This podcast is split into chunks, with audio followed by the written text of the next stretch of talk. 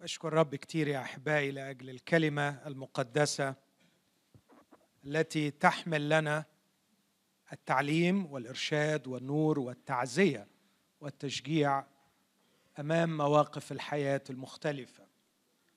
في المرة السابقة وبسبب الظروف التي كانت تجتاز فيها بلدنا تكلمت عن سبع حقائق. قلت سبع حقائق تحتاج إليهم مصر أو نحتاج أن نتذكرهم ونحن نعيش في مصر. فاكرينهم؟ قلت إن الظلم له عقاب والزرع له حصاد والجهل له انكسار والعقل له انتصار والزيف له انكشاف. له زمن لابد أن يكشف أو تكشف حقيقته. لكن قلت كمان أن المؤمن له حماية. وأنه على الرغم من القبح يوجد جمال. ومريت مرور سريع على هذه الحقائق السبعة لكن وعدت أن أتوقف عند الحقيقة السادسة في هذه المرة أن المؤمن له حماية خاصة.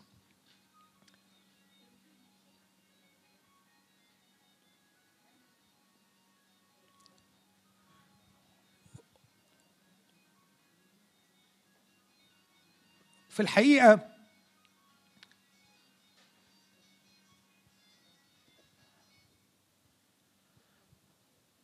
دي كانت الرسالة اللي على قلبي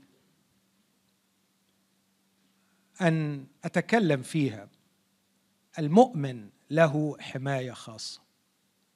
إلا أني بالأمس تلقيت معكم الخبر المؤلم والذي يكسر القلب برقاد ابن خادم الرب المحبوب محب نصيف. رقد في حادث. وهنا وجدت نفسي أمام هذا التحدي. وصوت يهمس في داخلي. هل ما زلت مصر إنك تقول إن المؤمن له حماية؟ هل ونحن نرى بعض احبائنا المؤمنين يصابون بفجيعة أو يدخلون في تجارب محرقة. هل ما زلت مصر على أن الكلمة المقدسة تؤكد أن المؤمن له حماية؟ وبعد لحظات لا أخفيكم ترددي وخوفي صرخت بأعلى صوت نعم يا رب. رغم كل شيء تظل كلمتك مثبتة في السماوات. ويظل إيماننا مثبت على صخرة قوية أن المؤمن له حماية.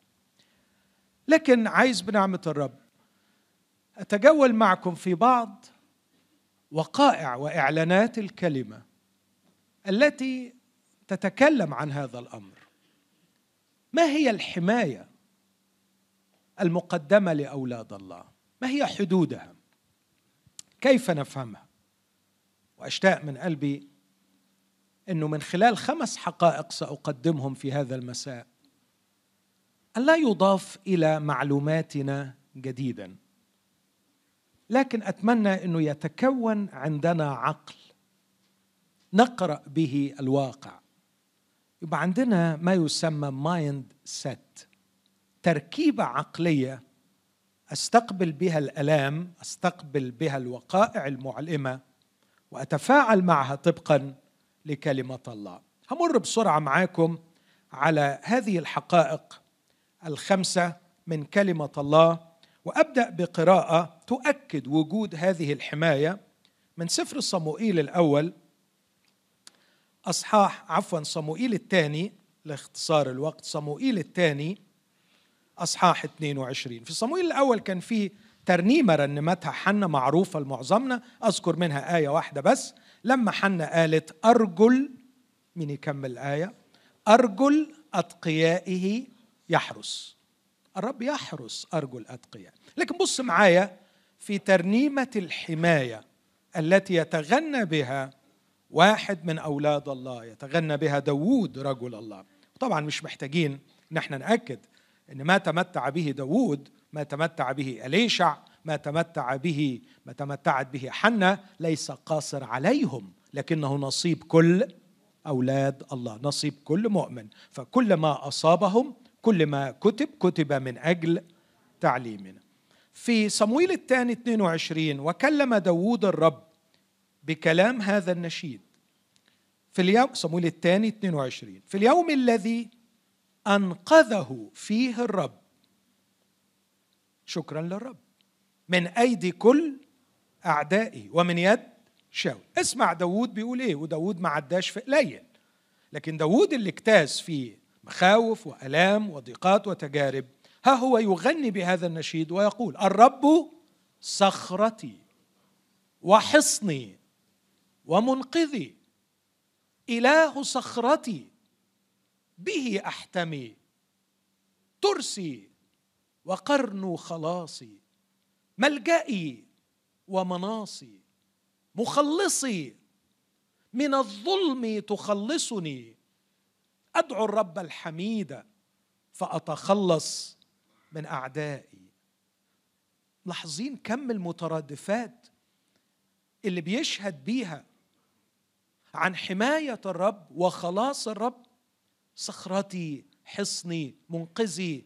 مرة تاني إله صخرتي. به أحتمي. هو ترسي هو قرن خلاصي هو ملجئي هو مناصي هو مخلصي. من الظلم تخلصني. بعدين بيوصف شيء من الشدائد اللي دخل فيها. لأن أمواج الموت اكتنفتني. سيول الهلاك أفزعتني. حبال الهاوية أحاطت بي. شرك الموت أصابتني لكن في ضيقي دعوت الرب وإلى إلهي صرخت فسمع من هيكله صوتي وصراخي دخل أذنيه. عدد 17 أرسل من العلا فأخذني نشلني من مياه كثيرة أنقذني من عدوي القوي من مبغضي من مبغضي لأنهم أقوى. مني. أحبائي هل هذه الآيات التي يسجل فيها داود خبرته مع الرب لمدة سنوات طويلة تحتاج أي تفسير أو تحمل أي شك أن هذا الرجل كان يتمتع بحماية خاصة من الرب؟ هل تحتاج إلى تفسير؟ لا أعتقد. هل تؤكد هذه العبارات من كلمة الله المقدسة ووحيه الصادق؟ هل تؤكد أن لداود المؤمن كانت حماية خاصة؟ الإجابة نعم.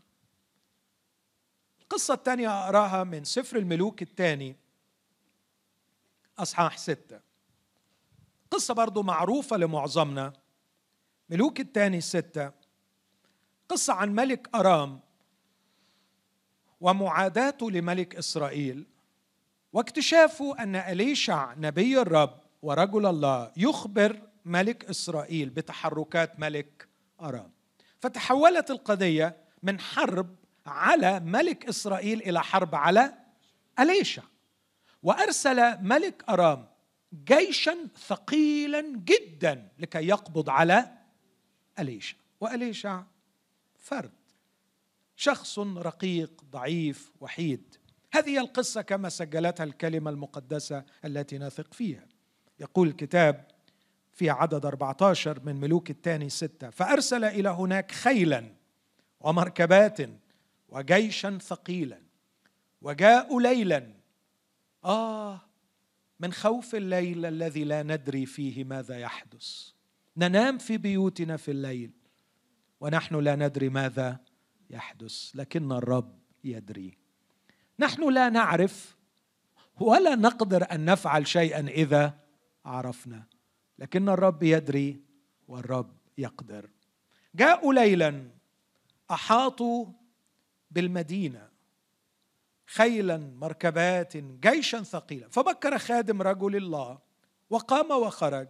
وإذا جيش محيط بالمدينة وخيل ومركبات فقال غلامه له آه يا سيدي كيف نعمل؟ كيف نعمل؟ وأعتقد أن الابتسامة كانت على وجه إليشع. والإجابة التي في قلبه آه يا حبيبي آه يا غلامي من متى كنا نحن الذين نعمل؟ كيف نعمل؟ وكأننا عملنا في السابق لكننا لا نعرف كيف نعمل هذه المرة. نحن لم نعمل في السابق وليس علينا أن نعمل هذه المرة. كيف نعمل؟ فقال له فقال لا تخف. بص لغة الإيمان. لأن الذين معنا أكثر من الذين معهم. وصلى إليشع وقال يا رب افتح عينيه فيبصر. ففتح الرب عيني الغلام فأبصر. وإذا الجبل مملوء خيلا ومركبات نار. ملك أرام أرسل خيلا وأرسل مركبات مركبات من الحديد. لكن الرب أرسل خيلا ومركبات نار. أرسل جيشا. ملك أرام أرسل جيشا من البشر. الرب أرسل جيشا من الملائكة. فملاك الرب حال حول خائفيه وينجيهم. هل يا أحبائي تؤمنوا معي أن هناك جيوش ملائكية اليوم تحيط بأولاد الله لحمايتهم. أرجوكم تثقوا في هذا الحق. هذه الحقيقة لم تتغير بل على العكس تأكدت بكلمات واضحة في رسالة العبرانيين. والأصحاح الثاني عندما يقول الرسول بولس هذه الكلمات عن الملائكة إنه لملائكة لم يخضع العالم العتيد الذي نتكلم عنه لكن أخضعه للمسيح. والكنيسه ثم يقول هذه الكلمات أليس جميعهم؟ ارواحا خادمة مرسلة. شكرا للرب. إنهم ليسوا في حالة سكون وكمون عنده وليس فقط مهمتهم أن يسبحوه هناك لكنهم يرسلوا من قبله يرسلوا إلى هذا العالم. يرسلوا لأي شيء. للخدمة. لمن؟ للعتيدين أن يرثوا الخلاص. ولاحظ هذه الكلمة إنهم لن يخدموا الذين نالوا الخلاص في المستقبل. أكيد ده هيحصل. الحقيقة مش ده اللي هيحصل بس ده هو السيد نفسه هو اللي هيخدم الذين سيرثوا الخلاص. لكن بيقول مرسلة للخدمة للعتيدين أي أنهم لم يصلوا بعد إلى الخلاص النهائي بتغيير الأجساد. هم في حالة الضعف هم يجتازون في عالم الخوف والرعب. لكن هذه الأرواح الملائكية مرسلة للخدمة للعتدين أن يرثوا الخلاص أي أنها تخدمهم في هذا الوضع وهذا الوقت الذي نحن فيه. أكتفي بالجزئين دول مع أن هناك عشرات ومئات المواضع التي تؤكد أن للمؤمن حماية خاصة. يكفي كلمات السيد له المجد وهو يحكي عن خرافه في يوحنا عشرة ويختم بهذه القول أنا خاصتي تعرفني وأنا أعرفها وأنا أعطيهم حياة أبدية. ثم يقول ولا يقدر أحد أن يخطفها من يدي. سيبك من حتة أحد ويخطفها يهمني ويكفيني أنها في يده. كفاية قوي. هل أنا في يدك يا سيدي؟ هل تعليمك المقدس يقول لي أنني بعد أن صرت من خرافك صرت الآن في يدك؟ وأنت تقول عني لا يقدر أحد أن يخطفها من يدي. أنا في يدك. آه كيف يغيب عقلي؟ كيف يذهب وعي؟ فأتصور أن هناك قوة في الوجود تقوى على يدك أنا في يدك هذا يكفيني. إذا يقينا هناك حماية للمؤمن. أمين؟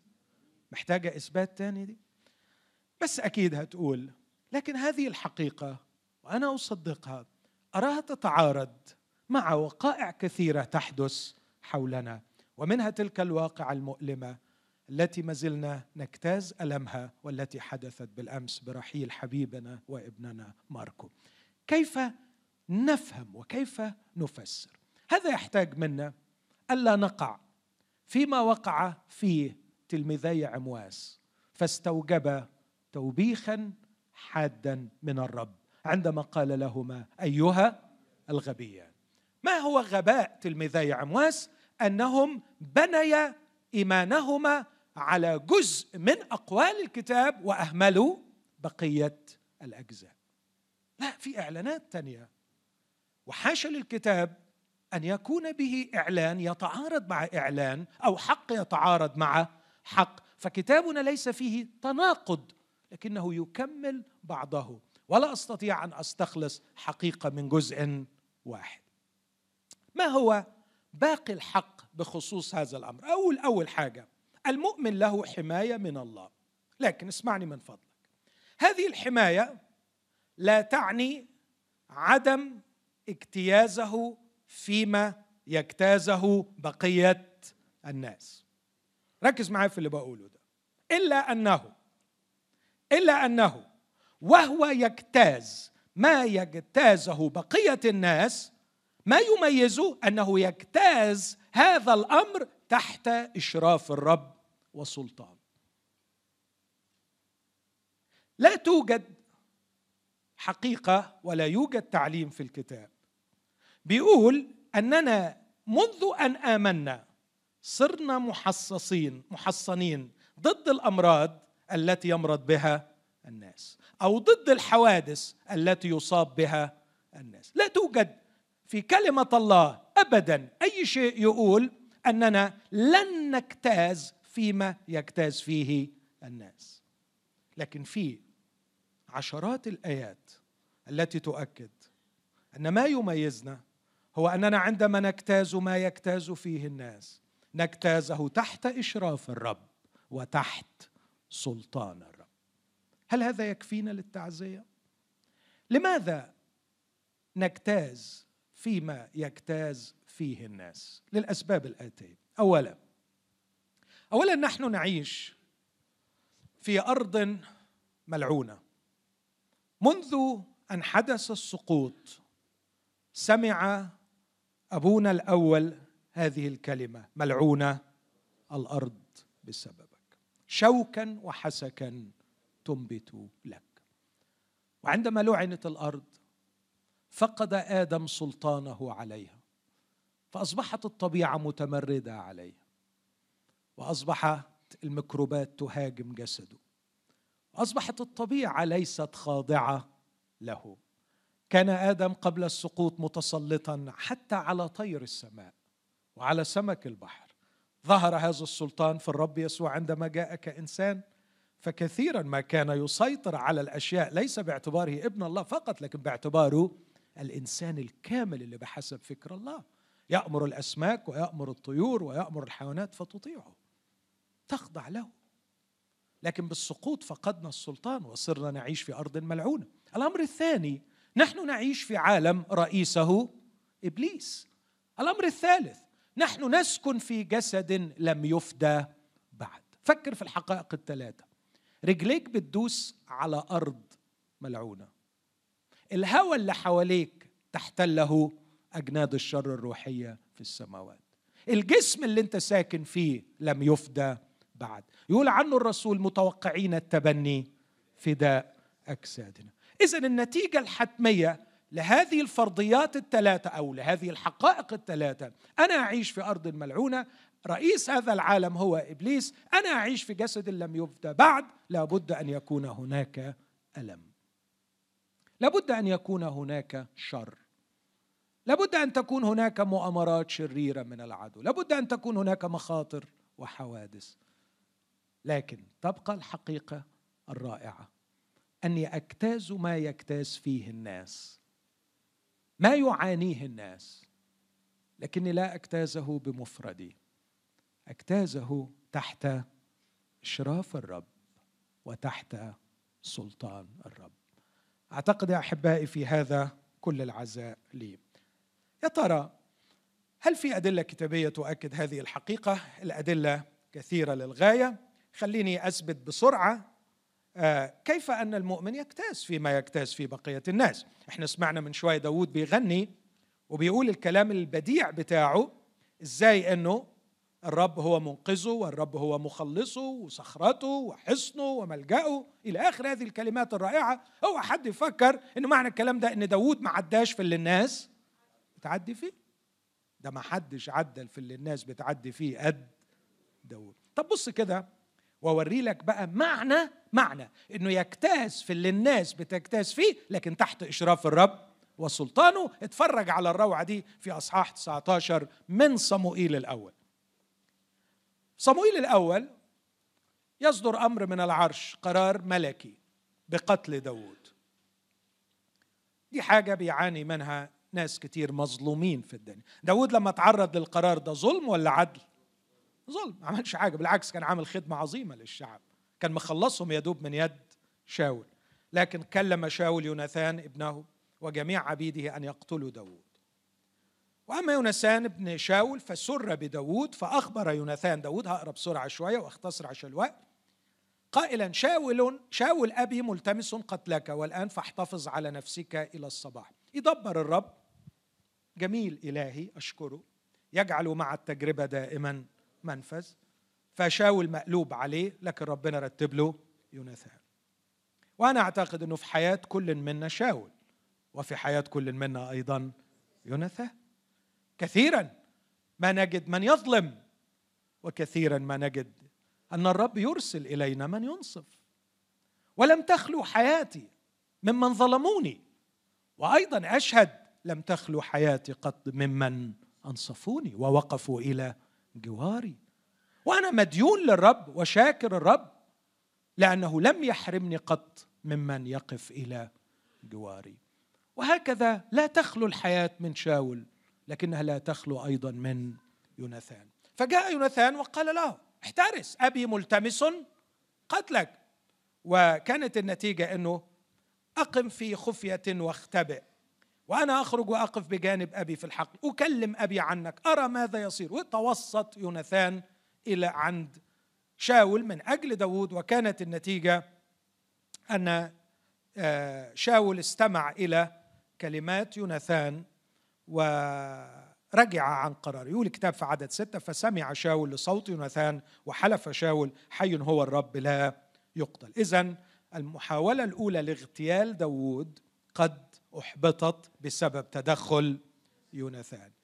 اجتاز داود فيما يجتاز فيه البشر من ظلم وقرار شرير بقتله لكن الرب كان يشرف على الأمر واستعمل سلطانه وجعل يوناثان يتدخل واستعمل يوناثان لكي يحول قلب شاول ونجح.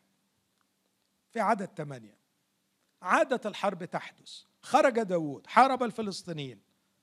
ضربهم ضربة عظيمة فهربوا من أمامه. كان الروح الرديء من قبل الرب على شاول وهو جالس في بيته ورمحه بيده. وكان داود يضرب باليد. واحد قاعد على السرير بتاعه الملكي والتاني قاعد بيلعب له على العود. المسافة بينهم تتوقع تكون قد إيه يعني؟ مترين ثلاثة متر. آدي المسافة. وفي هذه اللحظة جاءت الفكرة الشريرة مرة أخرى أن يصوب الرمح نحوه ويطعنه. والمسألة بسيطة. وشاول رجل حرب ويعرف كيف يصوب الرمح. لكن مرة أخرى أقول كان داود تحت إشراف الرب وتحت سلطانه أمين يا أحبائي؟ تحت سلطان الرب. بص كده الكلمات دي يقول وهو جالس في بيته ورمح بيدي وكان داود يضرب فالتمس شاول أن يطعن داود بالرمح حتى إلى الحائط. يعني المسألة أهو قدامه إلى الحائط. يعني دخل الرمح فيه والرمح يدخل في الحيط. يقول الكتاب ففر من أمام شاول فصر فصر, فصر فضرب الرمح إلى الحائط فهرب داود ونجا تلك الليلة. أنا أعتقد إن كثير مننا سمع هذه القصة بدل المرة مرات وأنا أصدقها. وشعرت بيد حولتني عن السيارة. وشعرت بيد أمسكت بي.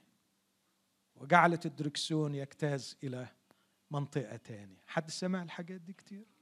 شعرت بيد تحاوطني وتحميني. يا ما سمعناها بتحصل في الشوارع يا ما سمعناها بتحصل في الحروب. يا ما سمعنا هذه القصة؟ هذه اليد التي قفزت بداوود من أمام الرمح. هي نفسها اليوم. لم تزل تعمل ولم تزل تحمي ولم تزل تحيط أولاد الله بالحماية. دي المحاولة نمرة اثنين. بص معايا من فضلك كمان. عدد 11 فأرسل شاول رسلا إلى بيت داود ليراقبوه ويعملوا إيه؟ ويقتلوه دي المحاولة الثالثة ودي خدت المرة دي طريقة جديدة طريقة ثالثة إنهم الرسل يحوطوا البيت ولك أن تتخيل شخص قاعد جوه بيته وعارف إنه الأمن الوطني اسمه دلوقتي الأمن الوطني واقف بره محاوط البيت ومستنيه بالأسلحة مستنيه بس يطلع يعملوا إيه؟ ها؟ يقتلوه بس بعد المرتين دول كان اتعلم الدرس لما نروح لسفر المزامير ولا سيما على ما أذكر مزمور 57 نلاقيه إنه كان مسك العود في الليلة دي وقعد يألف ترنيمة للرب. فالجيش محاوط البيت وهو فوق عمال يرنم. وقال له أنا في الغداة في الغداة أرنم لك. هو قال في الصباح اقتلوه أنا في الصبح هكون برنم ليك. كان تيقن أن الحماية عظيمة وأكيدة. فأخبرت داود ميكال امرأته قائلة إن كنت لا تنجو بنفسك هذه الليلة فإنك تقتل غدا. فأنزلت ميكال داود من الكوة فذهب هاربا ونجا. ملاحظين كم طريقة لغاية دلوقتي؟ ثلاث طرق للاغتيال وثلاث طرق للنجاة وكل مرة غير الثاني المرة الأولانية بالكلام والإقناع وياما الرب وسط لنا ناس تعمل كده. المرة الثانية تدخل معجزي مباشر من الرب يحوله. المرة الثالثة نزلوه من نزلته من القوة من الشباك هربته من الشباك. لكن نجا. إذا في كل مرة كانت هناك محاولة اغتيال وكانت الحماية الإلهية توفر الطريقة للنجاة. وليس بالضرورة طريقة معجزية في كل مرة لكن سيطرة الرب على قلوب الناس واقتراحهم لخطط معينة وأساليب معينة المهم أن الرب يتمم حمايته لابنه. أخذت ميكال الترافيم وضعته في الفراش وضعت لبدة المعزى تحت راسه غطته بثوب أرسل شاول رسلا. هنا المحاولة الرابعة ده ما بيطلعش بره البيت واضح. فراح باعت رسل قال لهم لا بقى ده أنتوا تروحوا وتاخدوه وتجيبوه لي بالسرير بتاعه. تخيلوا الافتراء. يقول الكتاب هذه الكلمات أرسل رسل لأخذ داود فقالت هو مريض ثم أرسل شاول الرسل ليروا داود قائلا إصعدوا به إلي على الفراش لكي أقتله دي المحاولة الرابعة. فجاء الرسل وإذا بالفراش ترافيم ولبدة المعزة. فقال شاول لميكال لماذا خدعتيني فأطلقت عدوي؟ عدد 18 هرب داود ونجا وجاء إلى صموئيل في الرامة. أخبره بكل ما عمل. عدد 19 أخبر شاول وقيل له هو ذا داود في نايوت في الرامة فأرسل شاول رسلا لأخذ داود ولما رأوا جماعة الأنبياء يتنبؤون وصموئيل واقفا رئيسا عليهم كان روح الله على رسل شاول فعملوا إيه؟ تنبأهم أيضا دي بقى متعة الحقيقة دول رايحين علشان يقتلوا قعدوا يعملوا إيه؟ يتنبأ تقول لي إزاي يتنبأوا؟ إزاي يتكلموا أقول لك روح ربنا زمان حل على الحمار وخلاه يتكلم فمش فارقة. فممكن قوي يحل على الحمار ويحل على رسل شاول المسألة مسألة إظهار سلطان. إظهار سلطان. زي بالظبط حل على الحمار وبعد شوية حل على مين؟ على صاحب الحمار اللي هو بلعام وخلاه يتكلم مش باللي هو عايزه لكن يتكلم باللي ربنا عايزه. فكانت المسألة إظهار السلطان. اوعى تفكر إنك حر تقول اللي أنت عايزه أنت هتقول اللي أنا عايزه ولا أستبعد ابدا إنهم كانوا يتنبؤون بمجد المملكة تحت سيادة داود ويسمعوه وهو واقف خايف. كلام الرب لا تخف لأن الرب يجعلك تملك على هذا الشعب. حل روح الرب على رسل شاول فكانوا يتنبؤون. طبعا لما حل عليهم روح الرب قيدهم يفعلوا ما يريده الرب لا ليفعلوا ما يريده شاول. كم محاولة دلوقتي؟ خمسة. المحاولة السادسة نفس الطريقة. أرسل رسلا آخرين. وكانت النتيجة برضو أن هم ابتدوا يتنبأوا. يقول فتنبأوا هم أيضا. المحاولة السبعة في عدد 22 فذهب هو أيضا إلى الرامة. وجاء إلى البئر العظيمة التي عند سيخو. وسأل وقال أين صموئيل وداود؟ فقيل ها هما في نبوت في الرامة فذهب إلى هناك إلى نيوت في الرامة فكان عليه أيضا روح الله. مش ده اللي كان بيبقى عليه الروح الردي؟ نعم لكن روح الرب قيده حل عليه ليكتفه. بس راح عامل فيه حاجة تاني علشان يورينا الرسالة الأساسية لنا إن كل آلة صورت ضدك لا تنجح. راح تعمل إيه يا شاول؟ آه رسلي طلعوا خايبين وما عرفوش يجيبوه. أنا جيت بنفسي هجيبه. ورسلك طلعوا خايبين ليه يا شاول؟ قالوا بيقول قال قال يعني قال الحل عليهم روح ربنا. قال ما أعرفش إزاي يعني. يعني هم عبيدي دول أنا عارفهم دول عبيدي وأنا عارفهم. مالهم دول ومال روح ربنا؟ الروح ربنا حل عليهم وقعدوا يتنبأوا وما عرفوش يجيبوا. قال له طب أوري لك أعمل فيك إيه؟ بس أنت بقى هقل قيمتك شوية. أنت مش كفاية عليك أخليك تقول اللي ما نفسكش تقوله. لكن أنا هطرحك في الأرض واطرحك عريان. بص الكلام الرائع اللي بيقوله. فذهب إلى هناك فكان عليه أيضا روح فكان يذهب ويتنبأ رايح جاي يتكلم. ولا أستبعد أنه كان يتنبأ بنفس الرسالة أن الرب سيقيم داوود ملكا على إسرائيل. غصب عنه يقول اللي ما نفسوش إنه هو يقوله. ما قالش كتاب كده أنا بتوقع. ولا أستبعد. ما هي النبوات التي كان الشعب يتعزى بها في ذلك الوقت وينتظر حدوثها في ذلك الوقت؟ أن الرب يحرر المملكة من شاول الشرير بعد أن بغته الروح الرديء ويقيم الرب رجلا بحسب قلبه. وهذا الرجل اوريدي كان مسح ملكا وهو خلص الأمة من جوليات والأمة تنتظر ملكه. ده كان فكر الرب اللي أكيد بيعلن في ذلك الوقت. والكتاب فخلع هو أيضا ثيابه. طب وليه قلة القيمة دي؟ محدش يا عم خلع ثيابه من اللي قاعدين كلهم. وبعدين ده انت جلالة الملك.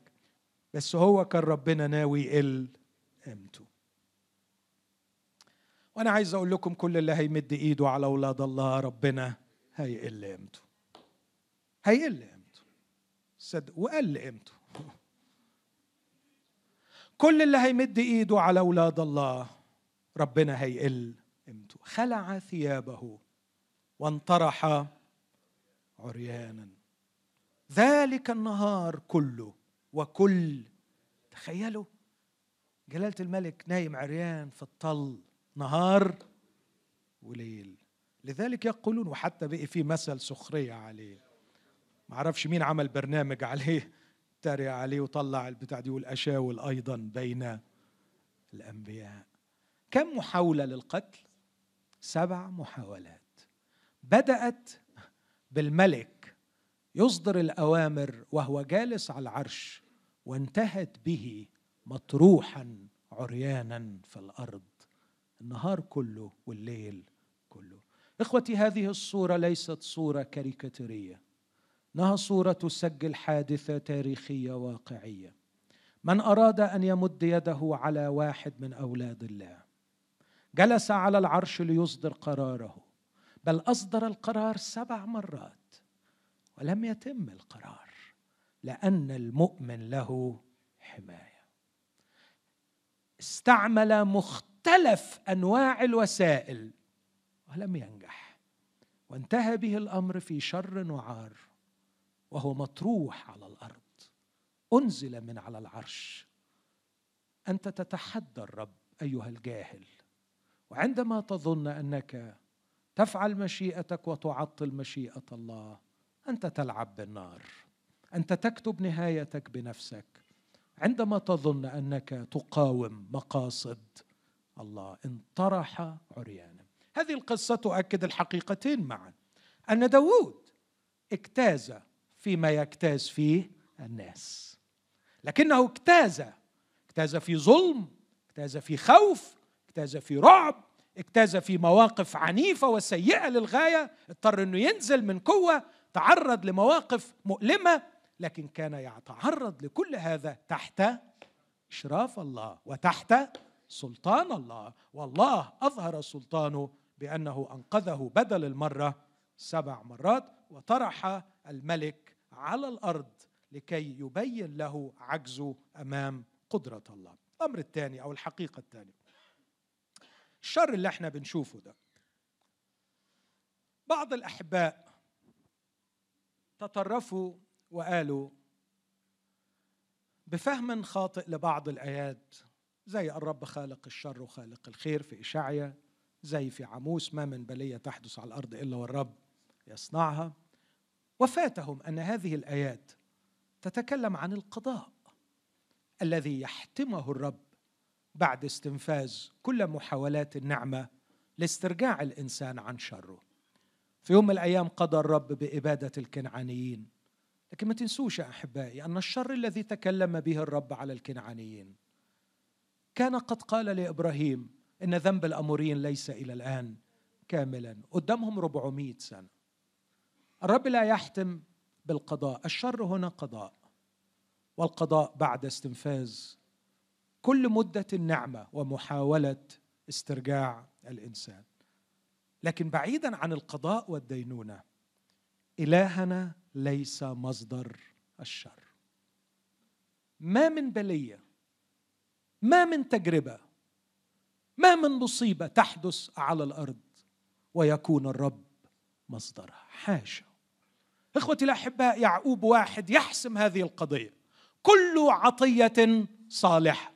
وكل موهبة تامة. هي نازلة من فوق من عند أبي الأنوار. هذه العبارة حصرية اكسكلوسيف كل شيء صالح يأتي من فوق. وعليه أقول وكل شيء غير صالح لا يمكن أن يكون من فوق. لا يمكن أن يكون من فوق. الله ليس مصدر الشر على الإطلاق. البعض تطرف إلى الجانب الآخر وقال يعني ما دام الرب مش مصدر الشر يبقى كل حاجة بتحصل لنا بتحصل لنا من إبليس وكأننا ملطشة لإبليس يفعل فينا ما يشاء وعلينا بقى إن إحنا نصارع مع إبليس. لا طبعا مسألة مش بالضبط كده. عشان كده بقول الله ليس مصدر الشر. لكنه اسمعني لكن الرب أقوى من الشر. وهقول بعدين في الحقيقة الثالثة مين مصدر الشر. لكن على الأقل خلونا نتأكد أن الله ليس مصدره. بس في شر. جاي منين؟ هنعرف بعدين. بس لما نشوف الشر علينا أن نعلم أن الرب أقوى من الشر. قول آمين. ليرتفع الشر إلى عنان السماء. يظل إلهي أعلى. ليرتفع الشر كأمواج البحر العاتية. يظل الرب في العلا أقدر. نعم أمواج الشر عاتية لكن الرب أقوى. الرب أقوى من الشر. اسمعني. ويجتازه معنا فكر في اللي بقوله لك ده. ليس فقط أن الرب أقوى من الشر لكن ها؟ أزودها شوية عشان توصل الفكرة يتذوقه معنا. جميل إلهي. جميل إلهي. أزودها أكتر. يبكي معنا. يرثي لضعفات. يعني إيه يرثي لضعفاتنا إنه يتعاطف بأحشائه معنا. آه ما أجمل يسوع وهو يجتاز الشر الذي أصاب الأختين. يجتازه معهم. يجتازه معهم. اسمع أيضا وهو يحقق قصده الصالح من خلال هذا الشر.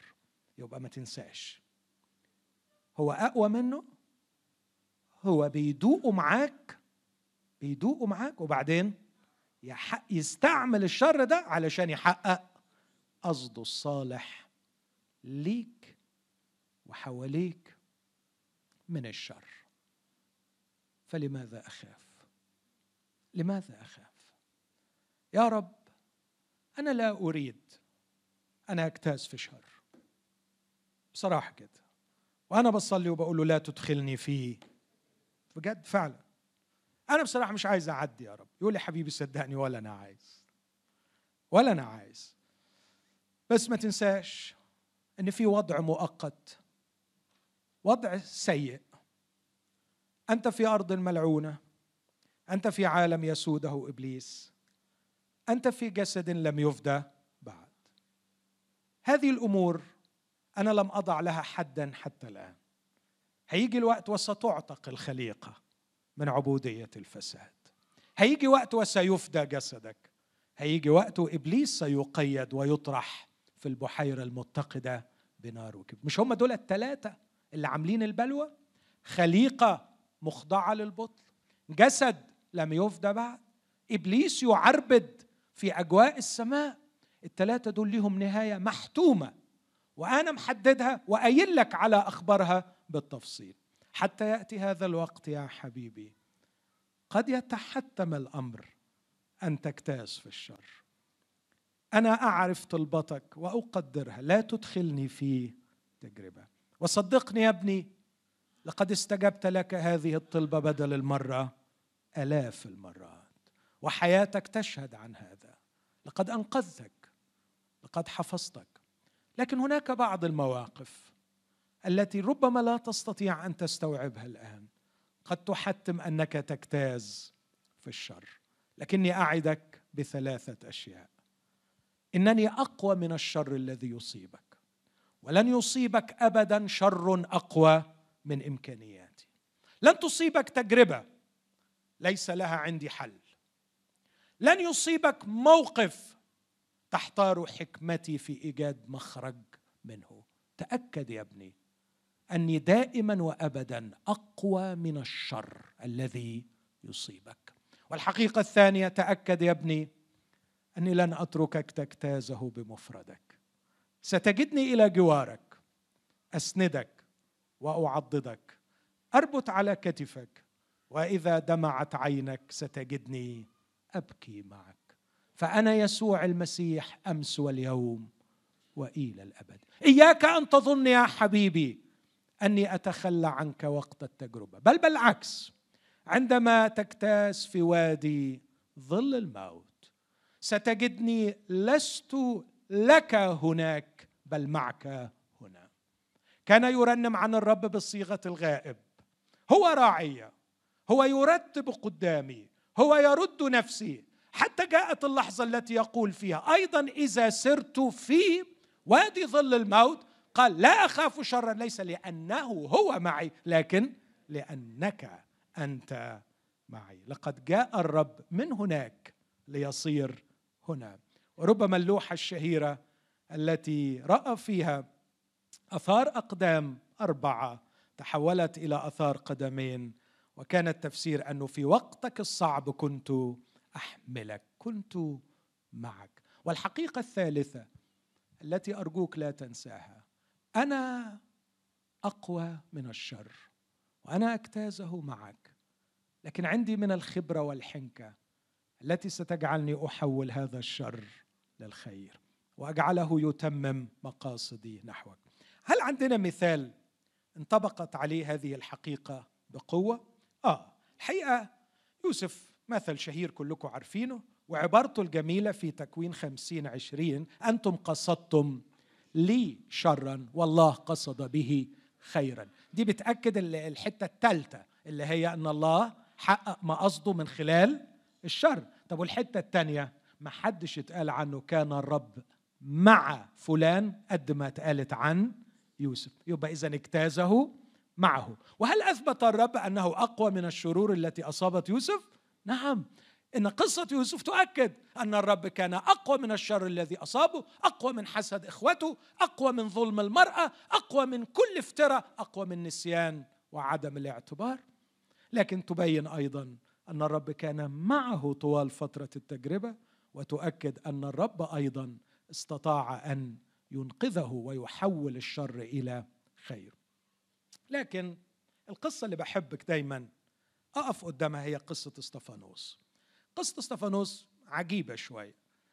استفانوس شاهد أمين للرب لكن ما لحقش. بعدين بصراحة كان عنده مواهب متميزة قوي مش كده؟ أنا بعتبره واحد من ال first apologists كان مدافع قوي جدا عن الإيمان المسيح لم يقدروا أن يقاوموا الحكمة التي فيه فكنا محتاجينه قوي. ده ده أسد أسد في الدفاع عن الإيمان المسيحي. لكن قرروا رجمه وابتدت الحجارة تنهال عليه. إذا إنه يجتاز في شر. والرب لم يمنع هذا الشر. لم يمنع الرب حادث السيارة. لم يمنع الرب السرطان. لم يمنع الرب الحجارة. لكن لم يكن الرب ابدا أضعف من التجربة. وهل كان الرب مع إستفانوس أثناء التجربة؟ هل في دليل؟ هو الكتاب قال. ده فرفع عينه لفوق وراى يسوع. راى يسوع. أنا متأكد مليون في المية إنه من يوم ما عرف الرب ما كانش شافه. ما شافوش بالمجد والبهاء ده. لكن والحجارة نازلة قال أرى السماوات مفتوحة.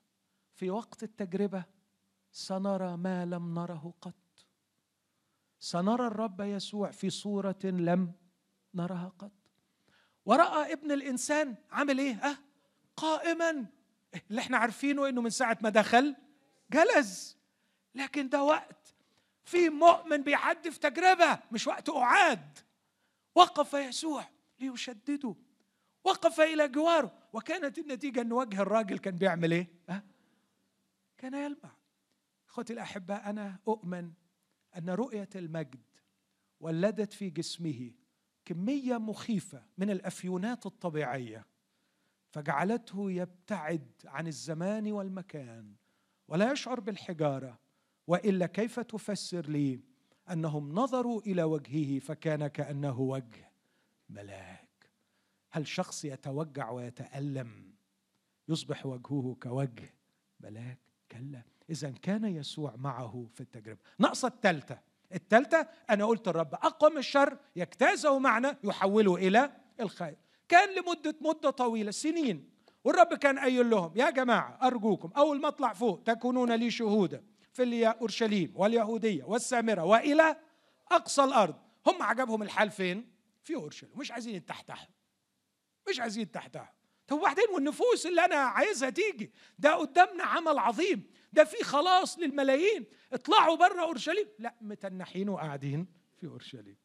فحدث الاضطهاد وكانت النتيجة. وبسبب الاضطهاد الذي حدث بعد رجم إستفانوس تشتتا تشتت كثيرون. والذين تشتتوا من جراء الضيق قالوا مبشرين بالكلمة. وتحققت كلمات المسيح. وتمت مقاصد الله. وانتشر الإنجيل. و... ده في أصح سبعة ترجم الراجل. أصح ثمانية يوصل الإنجيل للسامرة. وأصح عشرة تبدأ الراجل الأوروبي الأممي كرنيليوس وهكذا انطلقت البشارة إلى أقصى الأرض. فخدم استفانوس مقاصد الله بموته أكثر جدا مما خدمه بحياته. وهذا سؤالي. هل من الممكن أن مؤمن يرقد شابا حديث السن؟ صغير. لم يكمل خدمته بعد. هل من الممكن أن يخدم الرب بموته؟ ربما أكثر جدا مما كان يمكن أن يخدمه به ولو عاش أربعين سنة أو خمسين سنة أخرى. إجابتي نعم ممكن جدا. بل إنه الأمر الأخطر أنه عندما كان استفانوس يرجم كان هناك قلبا حديديا صخريا من الصعب جدا أن يذوب أمام الكلمات العادية. كان يحتاج أن يرى منظرا رهيبا يذيب الصخر حتى يستطيع أن يخلص. كان هناك شاول يقف مراقبا هذا المنظر ويرى وجه استفانوس وظل يذكر وجه استفانوس حتى أنه شهد عن هذا وقال عندما كان يقتل استفانوس شهيدك الأمين. كنت أنا هناك راضيا بقتله. ما أروع المقاصد التي حققها الرب؟ إخوتي الرب على طول الخط كسبان. حاشا لي انه هو يخسر. امال منين بيجي الشر بقى؟ الشر مصدره اسمعني مش هيكون عندي وقت أعلق كتير. الشر مصدره نتيجة مباشرة أو غير مباشرة. يعني ممكن يكون تدخل مباشر أو غير مباشر. يعني إيه غير مباشر؟ يعني لما عمالين يعملوا كيماويات وعمالين يضربوا قنابل وعمالين يعملوا مشاكل في الدنيا ومصانع كل ده بيلخبط في الدنيا واللخبطة اللي في المية والأكل وكل حاجة بتجيب أمراض. فهي نتيجة مباشرة أو غير مباشرة لقرارات غبية تتخذها كائنات عاقلة وحرة الإرادة. الناس دول لو حد يكتفهم يمنعوا الشر لكن كائنات عاقلة. حرة الإرادة. ما ينفعش ابدا نقول إن ربنا يجي كل شوية يسلبهم إرادتهم وإلا يبقى الله متناقض مع نفسه. يديهم الحرية وبعدين يسلب. ما ينفعش. بس الله كف إن يديهم الحرية ويخليهم يعملوا اللي هم عايزينه وهو قادر يواجه نتائج عمايلهم السوداء. علشان كده بقول لا يمكن أن تكون حرياتهم على حساب حرية الخالق ولا يمكن أن يكون عقلهم أكبر من عقل الخالق. علشان كده هذا الخالق وهو لا يسلبهم حريتهم وهو لا يبطل فعل عقولهم يستطيع أن يستغل كل الشر الذي يفعلوه لكي يصنع منه الخير. الله ليس مصدر الشر لكن اقرأ في في في في سفر أيوب أصحاح واحد واثنين. تعرف منين جت البلاوي على أيوب؟ جت من إبليس. في يعقوب واحد منين بتيجي التجارب؟ لا يقول أحد إذا جرب اني اجرب من قبل الرب.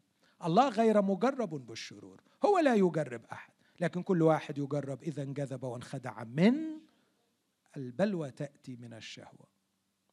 والشهوة إذا حبلت تلد خطية والخطية إذا كملت تنتج موتا الحقيقة الرابعة اسمعني من فضلك. ليس عندنا تفسير لكل حادث يحدث. لكل مرض يحدث لكل تجربة تحدث. ليس عندنا تفسير لسبب المحدودية. أنا كتبت زمان الكلمة دي وأتمنى إنها تكون شعارنا. أنا محدود وأفتخر. أنا محدود. أنا مش هقدر أفهم كل حاجة. يا رب فهمني. يقول لي حبيبي صدقني. صدقني ما في حاجة على قلبي أغلى منك تفهم. بس يا ابني ما اضمنش إن لو قلت لك هتفهم. طب قولوا لي كده لو إبراهيم اتشعبط في ربنا وشبط فيه واتخانق معاه وقول له ماشي صدقني صدقني هقدم لك الواد. ما يغلاش عليك الواد بس عايز أفهم. طب اشرحها له إزاي؟ يقول له بص يا إبراهيم أنا إبراهيم في جوهري جوهر واحد لكني مثلث الأقانيم. فأنا آب وابن وروح قدس. وابني سأرسله في يوم من الأيام متجسدا فيتحد غير المحدود مع المحدود. فلا ينقص غير المحدود ولا يزيد المحدود ويظل ابني بلاهوت وناسوته ويقدم على المذبح ذبيحة لكي يفدي البشر بسبب الخطية التي فعلوها إبراهيم يعمل إيه؟ يبلم. يقول له بس بس بس خلاص هقدم الواد ومش عايز أفهم. لكن بعد ما وصل السماء فهم وتهلل بأن يرى يومي. ياه! هو هو ده اللي انت كنت ناوي تعمله ساعة ما قلت لي أقدم إسحاق؟ أدريك أنت ناوي تقدم ابنك وأنا كنت مثال ليك. يا للمجد يا للفخر يا طب أنا بقى مشتاق قوي أشوف اليوم ده. عايز أشوف اليوم لما انت تقدم فيه ابنك عشان أتذكر لما أنا كنت بمثلك ورمز لك تهلل بأن يرى يومي. فرأى وفرح. لكن من الجانب الثاني ليس فقط. الله لا يفسر ولا نحاول أن نفهم كل شيء بسبب المحدودية. لكن علينا ألا نلزم الله أن يفسر كل شيء لسبب الإيمان. ما ينفعش ابدا تقول له لازم تفسر لي وإلا هيقول لك أمال فين؟ الإيمان. Do you trust me? أنت بتصدق فيا؟ أنت بتثق فيا؟ لو بتثق فيا امشي معايا من غير ما تسأل ومن غير ما تفهم. لا لا لا لا ما أقدرش ابدا ما أقدرش ابدا. الحقيقة أنا لازم أفهم عشان أبقى مطمن. يبقى أنت ما بتثقش فيا. قتل أحد المرسلين الأفاضل الأتقياء في فيتنام. وجاءت الرسالة لابنه ديفيد تومسون الذي يخدم الرب الآن في مصر. وقالوا له أبوك وأمك اتقتلوا في نفس اللحظة بالرصاص وهم بيخدموا الرب. ودخل ديفيد وخر على ركبتيه أمام الرب في بكاء غزير جدا. ويصرخ للرب ليه يا رب تعمل كده؟ ده بيخدموك. أنا غاضب منك أنا غاضب منك. لكن سمع الرب بيقول له do you trust me? أنت بتصدق فيا؟ لو بتصدق فيا أشكر. وبعد لحظات صراع خرج ديفيد من الغرفة وهو يشكر الرب. يشكر الرب. هذا هو الإيمان. أحبائي نحن لن نستطيع أن نفهم سبب كل تجربة لسبب المحدودية ولا يليق أن نلزم الرب أن يفسر لسبب الإيمان. والنقطة الخامسة والأخيرة اللي أرجو إن إحنا نفهمها. أن الحياة في بعد مختلف. تجعلنا نرى الشر بمفهوم مختلف. ماذا أقصد بالبعد المختلف؟ الإيمان بالمسيح. الوجود في المسيح يجعلني أرى الموت على سبيل المثال ربح. اسمع العبارة دي. يتعظم المسيح في جسدي سواء بحياة أو بموت. ممكن قوي أمجد المسيح بحياتي. وممكن قوي امجده بموتي. أرى الابدي أهم من الوقتي وأرى الروحي أهم من المادي وأرى الكينونه أهم من الصورة. فإن كان الألم أو التجربة التي تصيبني تجعلني أهتم أكثر بما هو أبدي أهتم أكثر بما هو روحي اهتم أكثر بكينونتي حقيقتي من جوه مش صورتي قدام الناس. يبقى مرحبا بالألم وبالتجربة. أرجو أن نحني قلوبنا ورؤوسنا. نقضي دقيقة في الصلاة. نصلي من أجل أنفسنا. أن يكون عندنا هذه التركيبة العقلية التي نواجه بها شرور ومصائب الحياة. وأن نرفع أيضا إخوتنا المتألمين الذين يحتاجون إلى تعزيه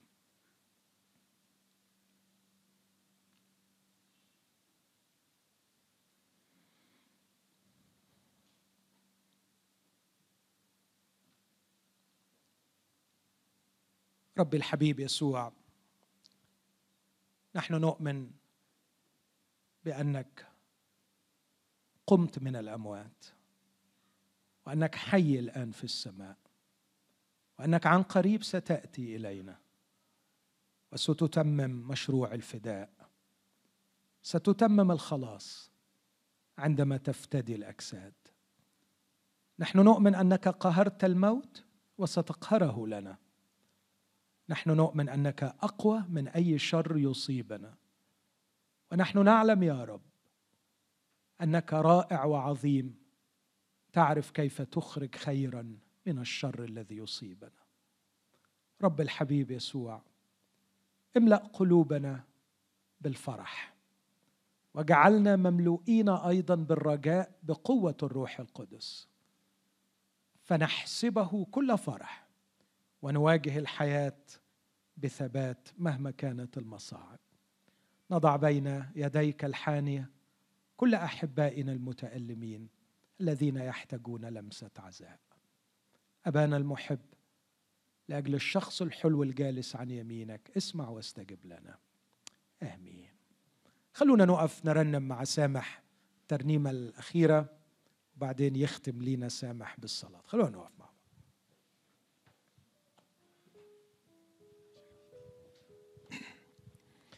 من لي سواك يحميني من كل شر قائم.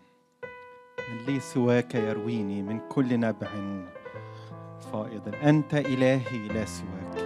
مزمور 138 يقول كده الرب يحامي عني. يا رب رحمتك إلى الأبد. هناخد عددين بس من الترنيمة اللي جاية. من لي سواك يحميني. من لي سواك يحميني. من كل